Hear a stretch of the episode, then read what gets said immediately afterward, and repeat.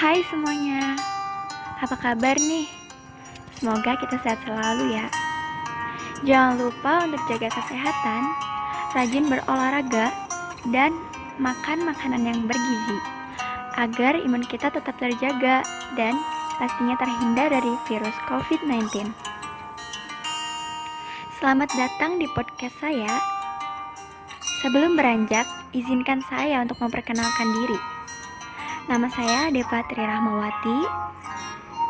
Saya akan menemani beberapa menit ke depan dengan tema yang saya angkat kali ini mengenai efektivitaskah program vaksinasi dalam memutus rantai penularan COVID-19. Selamat mendengarkan.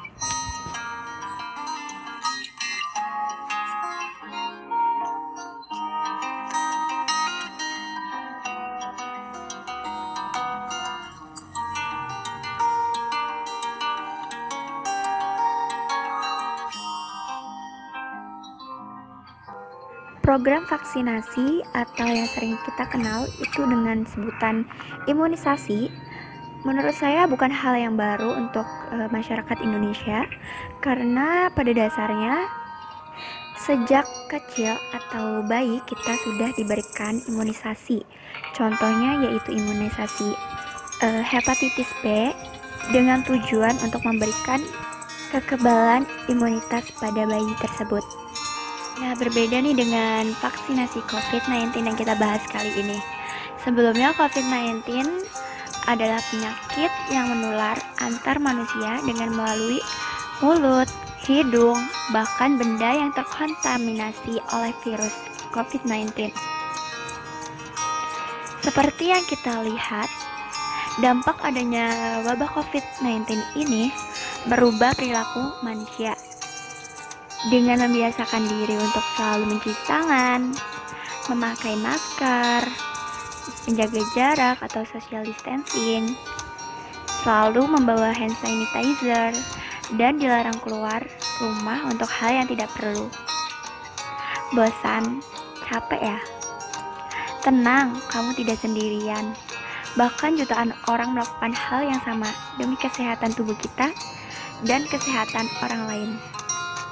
Tapi tenang karena Indonesia telah berupaya untuk memutus penyebaran COVID-19 dan untuk meredakan wabah COVID-19 di Indonesia dengan salah satu cara yaitu melaksanakan program vaksinasi yang telah didistribusikan kepada seluruh rakyat Indonesia secara gratis. Yang di mana vaksin ini sudah mendapatkan izin dari Badan Pengawas Obat dan Makanan atau BPOM dengan tujuan terciptanya masyarakat yang memiliki herd immunity.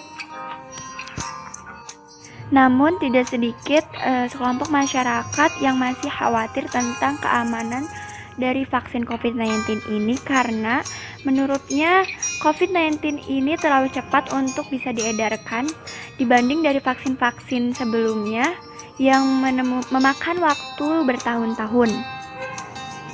Masyarakat juga menanyakan e, manfaat dari vaksinasi tersebut dan apa sih efektivitas dari vaksin tersebut. Mari kita bedah bersama-sama.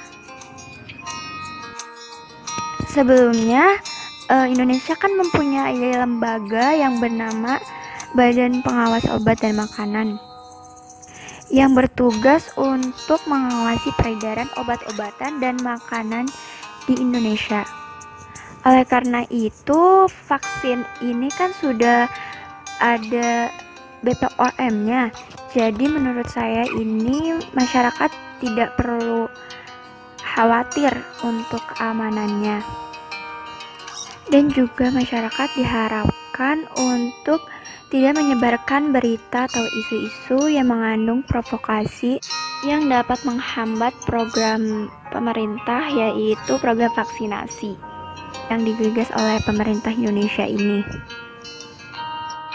Manfaat adanya program vaksinasi ini adalah salah satunya untuk menurunkan jumlah pasien COVID-19 dan menurunkan angka kematian akibat virus COVID-19.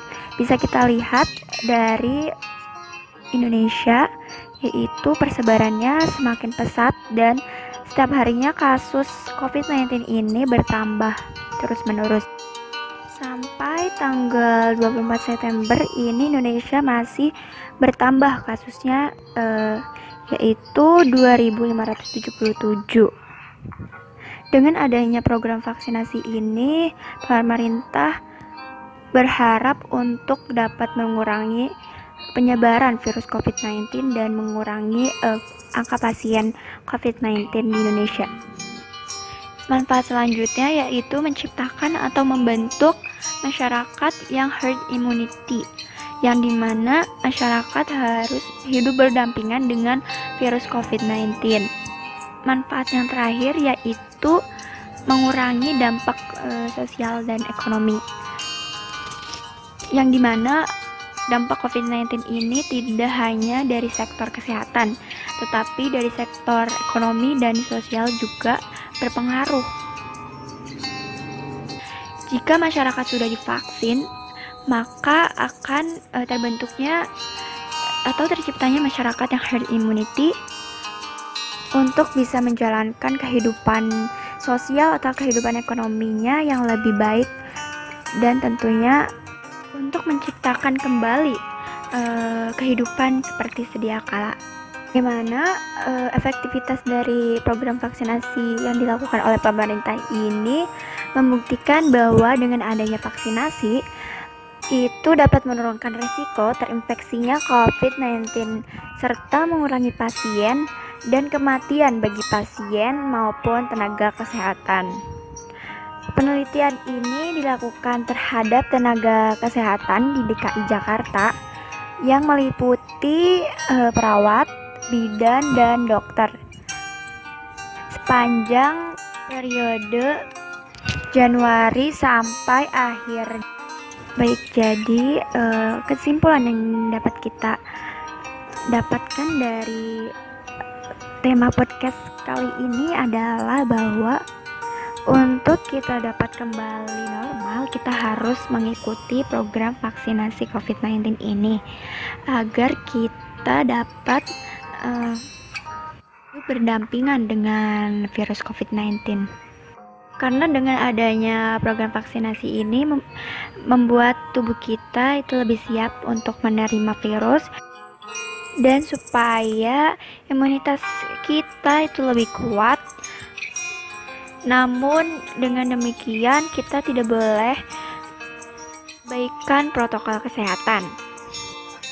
Apa sih uh, solusi yang dapat kita aplikasikan uh, untuk masyarakat sekitar guna uh, membantu masyarakat mendapatkan informasi yang efektif mengenai manfaat dan efektivitas dari program vaksinasi COVID-19 yaitu dengan adanya sosialisasi tentang manfaat dan efektivitas dari uh, program vaksinasi tersebut. Dengan melalui berbagai platform atau media cetak lainnya sehingga masyarakat itu lebih mudah untuk mendapatkan informasi mengenai COVID-19 ini. Mari kita sebagai penerus bangsa harus bijaksana dalam memilah memilih berita dan kita dapat berpartisipasi dalam program vaksinasi 2021. Saya, Deva Tirahmawati, pamit undur diri. Terima kasih yang sudah mendengarkan, Terima kasih yang sudah menyimak eh, podcast kali ini. Ada hujan makan tanah basah. Tanah sudah lama kena gempa. Hari ini saatnya kita berpisah. Semoga esok kita berjumpa.